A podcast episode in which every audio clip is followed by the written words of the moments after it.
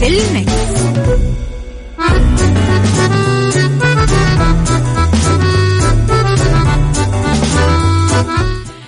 يا صباح الفل والخير والجمال والسعادة والرضا والمحبة والتوفيق والفلاح والنجاح وكل شيء حلو يشبهكم وتنتظرونا أتمنى لكم في هذا اليوم أنه تسمعون أخبار حلوة وأتمنى لكم كمان أنه خواطركم تجبر وأتمنى أنه كل حاجة تنتظرونها يجي وقتها اليوم وتتبشرون بالخير. رب الخير لا يأتي إلا بالخير ودوما أمر المؤمن كله خير. أيام قليلة قاعدة تفصلنا عن رمضان. يمكن يكون بكرة يمكن يكون بعد بكرة. خلاص ما بقي شيء. يعني إن شاء الله أنه تكونون مستعدين كذا وتدخلوا له بطاقة حلوة واستعداد تام للعبادات. وللقرب من رب العالمين. إذا ثلاث ساعات جديدة ساعتنا الأولى أخبار طريفة وغريبة من حول العالم. جديد الفن والفنانين وآخر القرارات اللي صدرت. ساعتنا الثانية قضية رأي عام وضيوف مختصين وساعتنا الثالثة صحة وجمال وديكور ومطبخ. على تردداتنا بكل مناطق المملكة تسمعونا. على رابط البث المباشر وعلى تطبيق Mix FM Android و iOS. كمان على آه at Mix FM Radio تويتر سناب شات إنستغرام فيسبوك. جديدنا كواليسنا تغطيتنا وأخبار الإذاعة والمذيعين. كمان على رقم الواتساب تقدرون دايما ترسلوا لي رسائلكم الحلوة آه على آه صفر خمسة أربعة ثمانية, ثمانية واحد, واحد سبعة صفر صفر. عيشها صح مع أميرة العباس على مكتف أم مكتف أم هي كلها في المكس.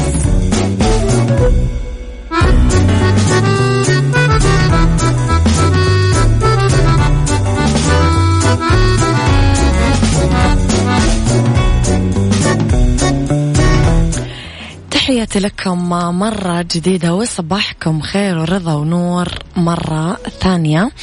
لخبرنا الأول أنا وياكم واعتمد وزير الداخلية رئيس اللجنة العليا للعمرة الأمير عبد العزيز بن سعود بن نايف بن عبد العزيز الخطة الأمنية العامة لمهام ومسؤوليات الأمن العام لأداء مناسك العمرة والزيارة خلال شهر رمضان المبارك. لهذا العام 1442 وفق الإجراءات الاحترازية والتدابير الوقائية المتخذة لمواجهة جائحة كورونا بمنطقتي مكة المكرمة والمدينة المنورة. أوضح ذلك مدير الأمن العام الفريق أول ركن خالد بن قرار الحربي مؤكدا أنه ذلك يأتي امتدادا لجهود حكومة خادم الحرمين الشريفين الملك سلمان بن عبد العزيز آل سعود وولي العهد نائب رئيس مجلس الوزراء وزير الدفاع الأمير محمد بن سلمان بن عبد العزيز في توفير كل آه، ما من شأنه المحافظة على أمن وسلامة قاصدين الحرمين الشريفين. أكد أيضا أن الخطة راعت الجوانب الأمنية والتنظيمية والمرورية والإنسانية بما يحقق توجيهات وتطلعات القيادة الحكيمة رعاها الله الرامية لتسخير جميع الإمكانات لتمكين قاصدي الحرمين الشريفين أداء نسكهم وعباداتهم بأمن وأمان ويسر وطمأنينة يا صباح الورد يا عبد الله القاضي صباح الخير يا فن البساطة. ألو أنتم راديو والله يعني إيوه زي ما حضرتك سامع وشايف يعني إحنا راديو. أنت يعني اللي تامر فيه. قول لي بس.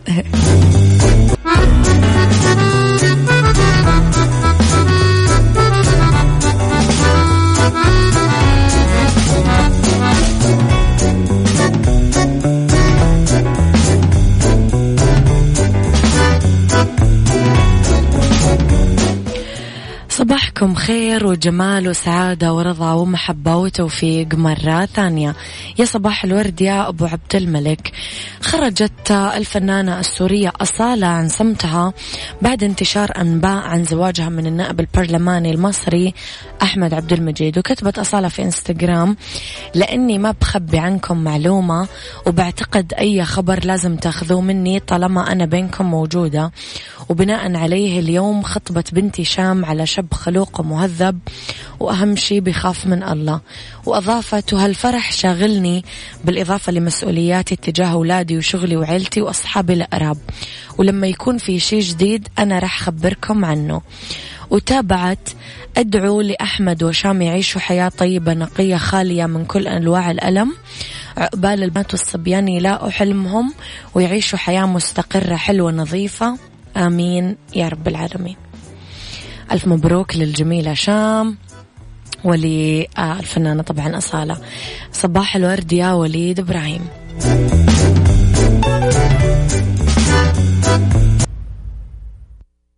عيشها صح مع أميرة العباس على مكتف أم مكتف أم هي كلها في المكس.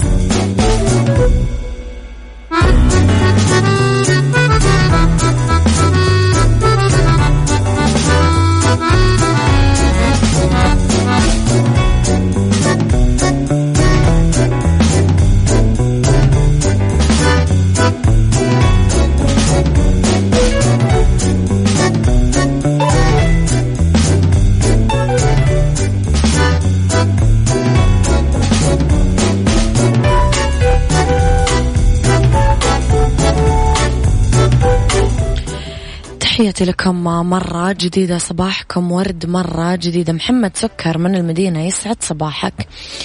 لخبرنا الثالث ويكتسب الشخص المزيد من الثقة والشعور بالرضا ويزداد إحساسه بالفخر إذا كان من أصحاب الدخل المرتفع بحسب نتائج دراسة أجراها باحثين من الجامعة الوطنية في سنغافورة. كانت دراسات سابقة أشارت إلى أن الثروة المالية يمكن أن تتنبأ بحياة نفسية أفضل وتوصلت إلى أنه مستوى الدخل يساهم في تشكيل الطريقة التي يفكر فيها الناس حول أمور حياتهم. ومع ذلك لم يكن من الواضح ما إذا الدخل يؤثر على شعورهم بالرضا والثقة. في الدراسة الأخيرة اللي نشرتها مجلة علم النفس الأمريكية وحلل البروفيسور إيدي تونغ وفريقه المشارك بيانات من خمس دراسات سابقة. بما في ذلك دراسة استقصائية شملت أكثر من 1.6 مليون شخص من 162 دولة وتوصل فريق البحث لدلائل واضحة تشير إلى أنه الدخل المرتفع يتنبأ بشكل موثوق بتمتع صاحبه بمشاعر إيجابية مثل احترام الذات والكبرياء والثقة وقوة التصميم وتقل لديه المشاعر السلبية مثل القلق والحزن. وراحت الدراسة أيضا إلى أن الدخل المرتفع في الحاضر يمكن أن يرتبط بالرفاهية والعاطفية وانخفاض المشاعر السلبية في المستقبل. ما حد يقول لا؟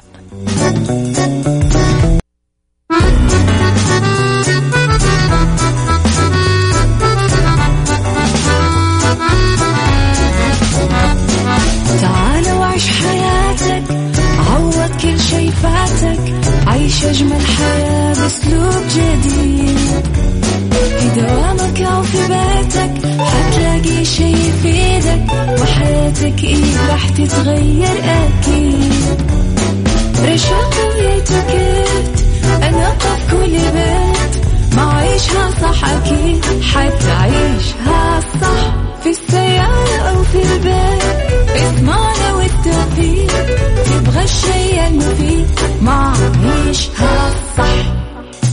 الآن عيشها صح مع أميرة العباس على مكتف أم. مكتف أم هي كلها في المكس.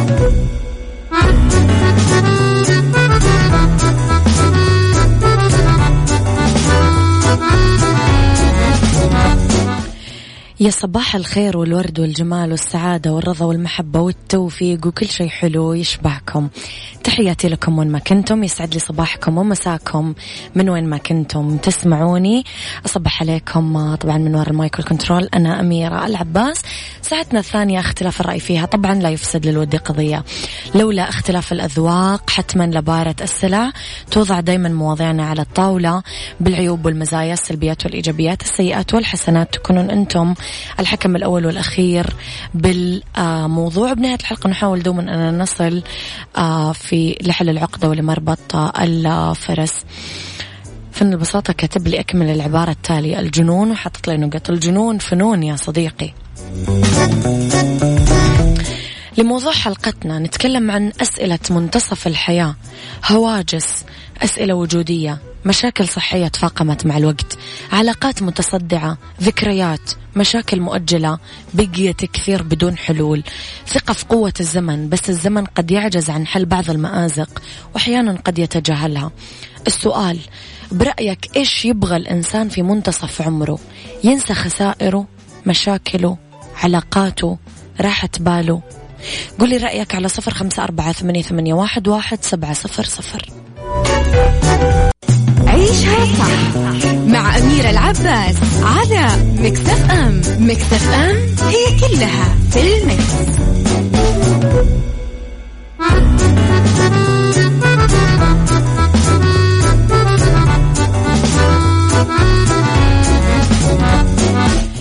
يا صباح الورد والفل والجمال. إذا تدور على تمويل شخصي مالك إلا شركة النايفات للتمويل. واللي تقدر من خلالهم تاخذ تمويل نقدي فوري بدون تحويل راتب وبدون كفيل وتتوفر برامج التمويل الشخصي للأفراد دون تحويل راتب أو كفيل شخصي. كمان عندهم برامج خاصة بتمويل المنشآت والشركات الصغيرة والمتوسطة. للاستفسار ولمزيد من المعلومات اتصلوا على تسعة اثنين صفرين ثلاثة ثلاثة ستة ستة ستة. كنا نتكلم برأيك ماذا يريد الإنسان في منتصف عمره؟ ينسى خساراته مشاكله علاقاته يدور على راحة باله. صباح الخير يا سارونا وأنت بخير وشهر كريم يا رب. آه محمد الحارثي صباح الخير. يقول صدمة عمر أغنية ولد الشامي تمثلني الأغنية ذي لأكثر مواقفي. أوكي. فن البساطة يقول من لو رآني ماء مات من ظمأ ولو مثلت له في النوم لم ينم. أوكي. كل هذا يظهر لبعضنا. وكأنه نبت فجأة من الفراغ. ما إن يصل لمحطة منتصف العمر الكاتب الأمريكي ريتشارد ليدر يطلق على مشاكل وأسئلة منتصف العمر وصف كبوة منتصف الحياة. ناصحا كل من يمر بها أن يواجهها ليتمكن من إكمال بقية الطريق. في أسئلة يفرضها العمر ولا مجال لتجاهلها لذلك لابد من مواجهتها هي الأخرى. وأكثر هذه الأسئلة إلحاحا ماذا نريد؟ ما الذي يتوجب علينا أن نحسمه بشكل نهائي؟ وبلا أي مماطلات لنكمل الطريق. لماذا صدقنا ذلك؟ ولماذا اقتنعنا بذلك؟ ماذا تمنينا ولم نسعى لتحقيقه؟ خوفا خجلا عجزا. لقد توصل علماء السلوك أنه هذه المرحلة من عمر الإنسان تمثل نقطة تحول مفصلية تمكن صاحبها من إعادة حساباته مع نفسه أولا وبالتالي مع كل التفاصيل على الرغم من ألمها وقسوتها حيث أنه لن تتاح للإنسان فرصة يكون فيها أكثر قوة واستقلالية من هذه السنوات ليواجه نفسه بتلك القوة والثقة والنضج. لا تنتهي الحياة بانتهاء العمل ولا بترك الوظيفة ولا بانفصال عن الزوج أو الزوجة. الحياة تبدأ حين نمنح الأسئلة الصعبة كل أجوبتها التي بقيت معلقة طوال السنوات اللي جررناها خلفنا بإعياء. ولكي لا نبقى تحت وطأة هذا الإعياء ليس أمامنا سوى إعطاء الإجابات الصحيحة والدقيقة ليس للناس ولكن لأنفسنا.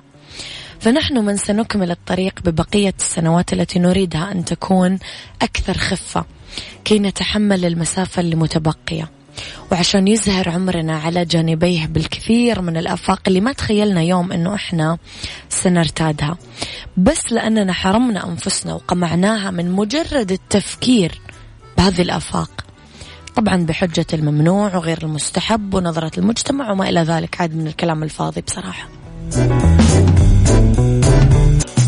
الآن عيشها صح مع أميرة العباس على مكتف أم مكتف أم هي كلها في المكس.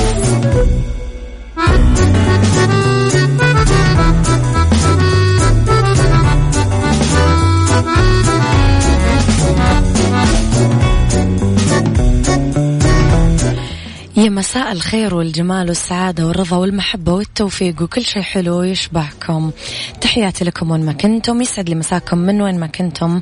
تسمعونا على رابط البث المباشر على تطبيق Mix FM وعلى تردداتنا بكل مناطق المملكة جدة 105.5 الرياض والمنطقة الشرقية 98 على Android و iOS. تطبيق Mix FM دايما. موجود. طبعا منورينا اليوم Slim Diet وتحديدا ضيفتي في الاستوديو اليوم أخصائية التغذية في آه Slim Diet هبة المالكي. يسعد مساك أستاذة هبة؟ يسعد مساك أميرة وللمستمعين أيضا. نرحب فيكي على أثير إذاعة Mix FM في استديوهاتنا في جدة. أستاذة هبة يعني شاغلنا مرة موضوع التغذية برمضان وزننا يطلع وينزل نبغى وزننا ينزل بس ما نبغى نخسر. كتلتنا العضلية اللي already في ناس مثلا تلعب حديد already عملت shape لجسمها إلى آخره. فرمضان ونزول الوزن بشكل سليم بدون ما نخسر كتلة عضلية. لو توضحي لنا هذا الموضوع. طبعا هذا أكثر سؤال بيجيني في الوقت الراهن. صح. كيف ممكن أحافظ على كتلتي العضلية؟ إيه؟ طبعا الأشخاص بيعتقدوا إنه أنا طول السنة بجلس ببني كتلة عضلية وبس يجي رمضان أنا حخسر العضل اللي بنيته في السنة كلها م. طبعا خسارة العضل ما بتجي بشكل سهل إلا إذا كان في هناك سلوكيات معينة يرتكبها الشخص فتؤدي إلى خسارة الكتلة العضلية م. طبعا إحنا بنصوم تقريبا لفترة طويلة إذا ما ضمننا إنه إحنا بنغذي جسدنا في في فترة الإفطار اذا حيصير الكتلة العضلية بشكل آه سريع جدا. آه بالإضافة عندك إنه السيدات غالبا أكثر عرضة من الرجال في خسارة الكتلة العضلية يرجع إلى الدورة الشهرية اللي بتحدث آه وما إلى آخره. كمان عامل الجينات يلعب دورا هام في خسارة الكتلة العضلية. اذا السؤال المهم إيه؟ كيف أخسر كتلة عضلية في رمضان؟ كيف ما أخسر كتلة عضلية؟ كيف أخسر وزني بدون ما أخسر الكتلة نعم. العضلية؟ أول حاجة لازم نحرص إنه في فترة الإفطار نتناول كمية كافية من البروتين آه نغذي جسمنا بالمغذيات الكربوهيدرات أيضا مصدر أساسي للطاقة إذا ما حينفع إنه نحن نحرم نفسنا من الكربوهيدرات عشان نضمن نزول الوزن بشكل سريع. مم. بالإضافة إلى طريقة التمرين لازم أنه نحافظ على مستوى معين من التمرين ما نعمل تحميل شديد أو أوزان شديدة آه، في فترة الإفطار فيؤدي إلى خسارة الكتلة العضلية. كذلك النوم يلعب دورا مهم جدا في الحفاظ على الكتلة العضلية. راحة الجسم أيضا. مم. هي جدة عوام... كثير من العوامل جميعها مكملة إلى بعض تؤدي إلى خسارة الوزن بدون خسارة الكتلة العضلية. العضلية يعني مو لازم نطلع من رمضان خربان معانا كل شيء. بالعكس. نظام النوم ونظام بالعكس. الأكل والجسم وكل شيء. أيوة فالواحد لازم أنه أيضا يستغل الشهر هذا بذكاء قدر الإمكان. قد ما يقدر. يعني أتمنى والله العظيم إحنا دايما بعد رمضان نقعد نبكي لا لا أنا قبل لا بالعكس كل المشتركين عندي في Slim Diet أنا بسميهم survivors في رمضان. محاربين. جدا ويحققوا نتائج يلا يا جماعة ال Slim Diet عشان ما نبكي في العيد. الفساتين ما نبغاها تتغير. طيب كيف أعرف أستاذة هبة إذا خسرت عضل أو دهن من وزني؟ طيب. يعني أنا مم. الحين نزل عندي عدد كيلوغرامات وأنا ماني عارف هذه دهون. ولا لا العضل نزل من جسمي أوكي. لأنه الاثنين لها وزن نعم كلهم جميعها لها وزن فأنا دائما بقول الشطارة مو أنا قد إيش نزلت من وزني كرقم؟ قد ما قد إيش أنا نزلت دهون من وزني. تمام؟ طبعا في عدة أشياء. أول حاجة حنبدأ بالطرق الحديثة. عندنا. قياسات الإنبادي اللي تكون عادة متوفرة في مراكز التغذية ك Slim Diet وغيره أو بتكون موجودة في الأندية في بعض الأندية بس لازم نتأكد إنه يعمل لها صيانة بشكل دوري. آه كمان عندنا آه في الآن في الوقت الراهن اللي هي الأشخاص كثير اتجهوا لها اللي هي الموازين اللي مربوطة بالبلوتوث اللي بتدي نسبة العضل ولكن للأسف هذه غير دقيقة. وأتمنى من كل شخص ما يضيع ما يستخدمها. ما يستخدمها ولا يضيع فلوسه في الشيء هذا. okay. okay. فلنفرض الشخص مو قادر يروح النادي مو قادر يروح عيادة تغذية عشان هو يقيس يشوف نسبة العضل. مم. أول حاجة الشخص لازم آه، يراقب قياسات ملابسه. مم. هذه بشكل مهم جدا ويكون متيقظ لها. في حال أنه شعر أنه الوزن نزل بدون ما يتغير آه، قياس اللبس. إذا هنا الخسارة عضلية لا محالة. بيشوف رقمه بينزل بشكل سريع على الميزان لكن بيشوف إنه أمام المرأة آه شكل واحد. شكل واحد. اذا الخسارة عضلية لا محالة. عندنا أيضا الخمول التعب الوهن آه هذه كلها بتدي دلائل, دلائل إنه الخسارة عضلية.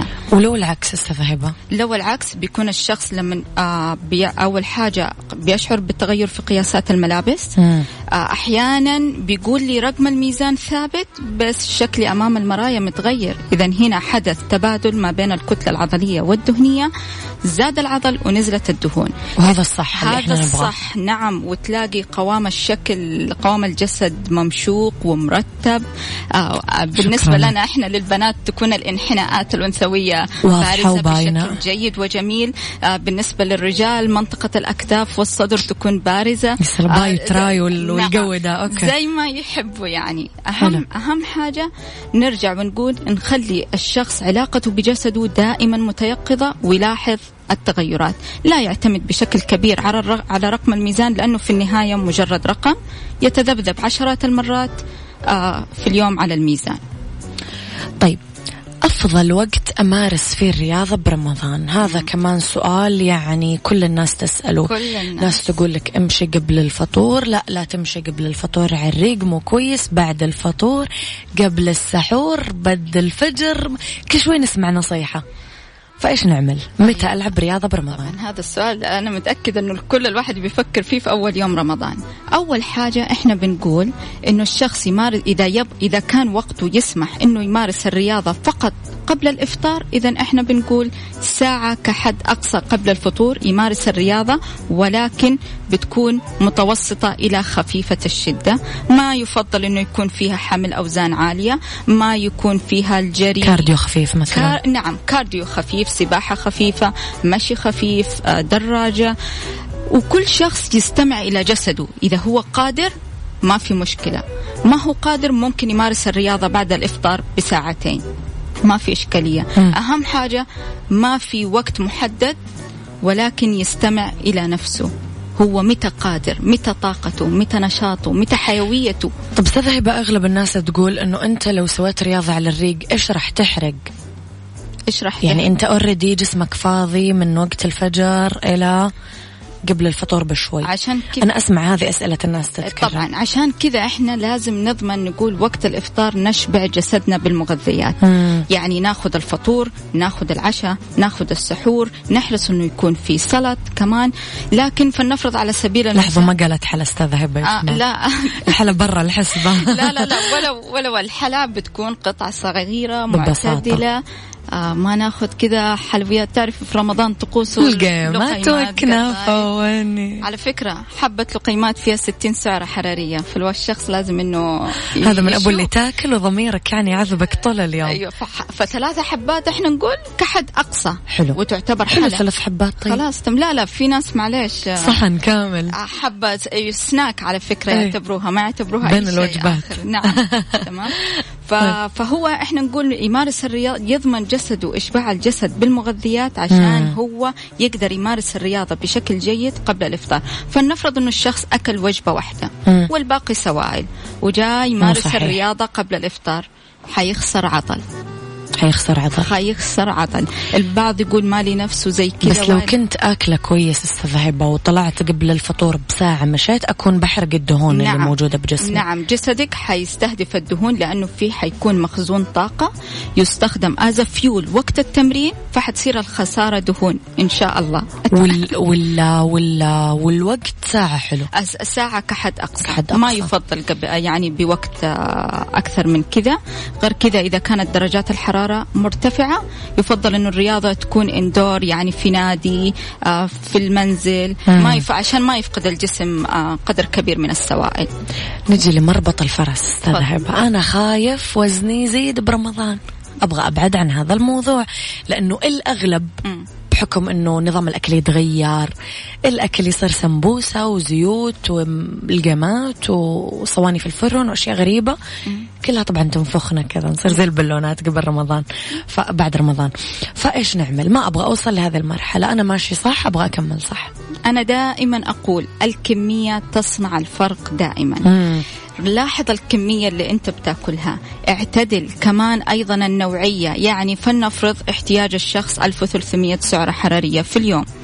لازم يكون في بروتين في كربوهيدرات في دهون في خضار في فواكه وقطعة الحلا عشانك ما حنساها. لازم. تمام أوكي. عشان رمضان بس. عشان رمضان. فالشخص لازم يضمن ال 1300 مو فقط من مصدر واحد العصيرات أستاذ هبه العصيرات العصيرات هذه كثير يشربونها في رمضان. العصيرات عندي تحفظ عليها جدا جدا. كلها سكر. نعم غنية بالسكريات. يعني إيه؟ افضل اللبن. آه الآن في بعض الشركات آه بدون ذكر اسم آه عملت خيارات إنه تكون آه خالية من السكر. أيه. وهو مشروب غني عن التعريف آه لا يخلو مائده رمضانيه منه في رمضان أيه. فممكن يب يب يعني يختاروا خيارات تكون قليلة قليلة السكر ولكن أنا شخصيا بفضل اللبن م. صراحة آه عشان غير كذا اللبن يعتبر مصدر جيد للبروتين في رمضان آه غير كذا مدعم بفيتامين د كالسيوم يعني باخذ عناصر غذائية من اللبن وأنا كذا مرتاحة بدون أي مجهود. ما يأنبني ضميري. ما يأنبك ضميرك. آه طيب أستاذ هبه كمان موضوع التمر. يعني آخذ قديش. آه. تمر طول اليوم قدامنا. وما أعرف إذا كثرته مضرة. نعم نعم صح؟ سكر نعم يعني. شوفي في النهاية أي طعام نتناوله هو عبارة عن سعرات حرارية. حبة التمر يعني حوالي نقول أحد أدنى كحد أدنى ثلاثة. 40 سعرة حرارية. إذا ثلاثة حبات تكون كافية. لا أحد يقول لي سنة ويقول لي سبع هم يتحججون 14 إيه حبة. لا لا لا. حتى أحيانا بقول اثنين. بس okay خلينا ثلاثة. مو دائما يقولون خذوا عدد مفرد أحسن ولا؟ لا لا. لا مو ليس صحيح. له علاقة من الصحة نهائيا. يعني خلاص اثنين إذا إيش؟ اثنين. okay تمام. طيب نجي للسمبوسة. السمبوسة. كم واحدة آكل؟ طيب هنا دائما نقول نفضل إنها تكون مشوية. في أيوه. أفضل آه بالنسبة للسيدات بقول لهم ثلاثة حبات وبالنسبة للرجال بعطيهم أربعة ليه؟ الرجال نبغى أربعة إحنا لأنه السعرات الحرارية احتياج الرجل بيفرق جدا كبير عن احتياج المرأة طب أستاذة هبة لو أنا ما أمارس الرياضة ما أقدر أمشي وما أقدر أعمل ورك أوت وأنا مثلا ربة منزل في البيت إيش أعمل؟ okay. التمارين بسيطة مثلا ممكن أنظف البيت ممكن كيف أحرق سعرات حرارية؟ أنا دائما بقول ضعي دائما صحتك من قائمة أولوياتك, أولوياتك. okay. أنت سؤال هنا لما بتقولي لي آه ما عندي وقت. م.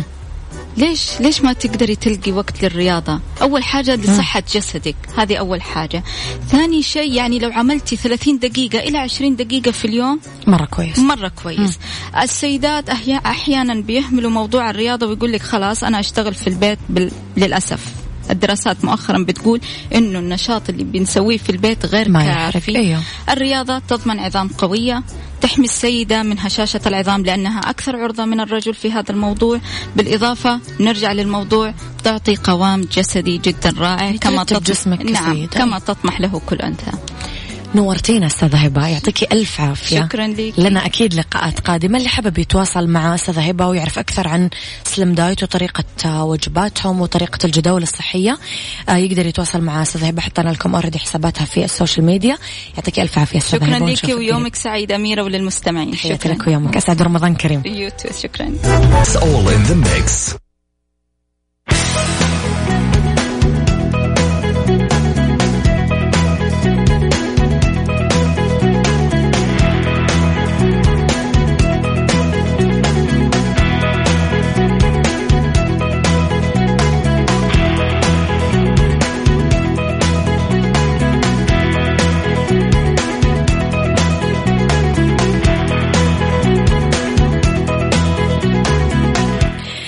تحياتي لكم مرة جديدة. في سيكولوجي خطوات لإعداد طفلك نفسيا وصحيا لشهر رمضان. خيروا آه، أطفالكم وعلموهم طول الوقت أنه رمضان يأتي بكل عطائه. ويجمع الأسرة أطفال وكبار أباءات وأمهات.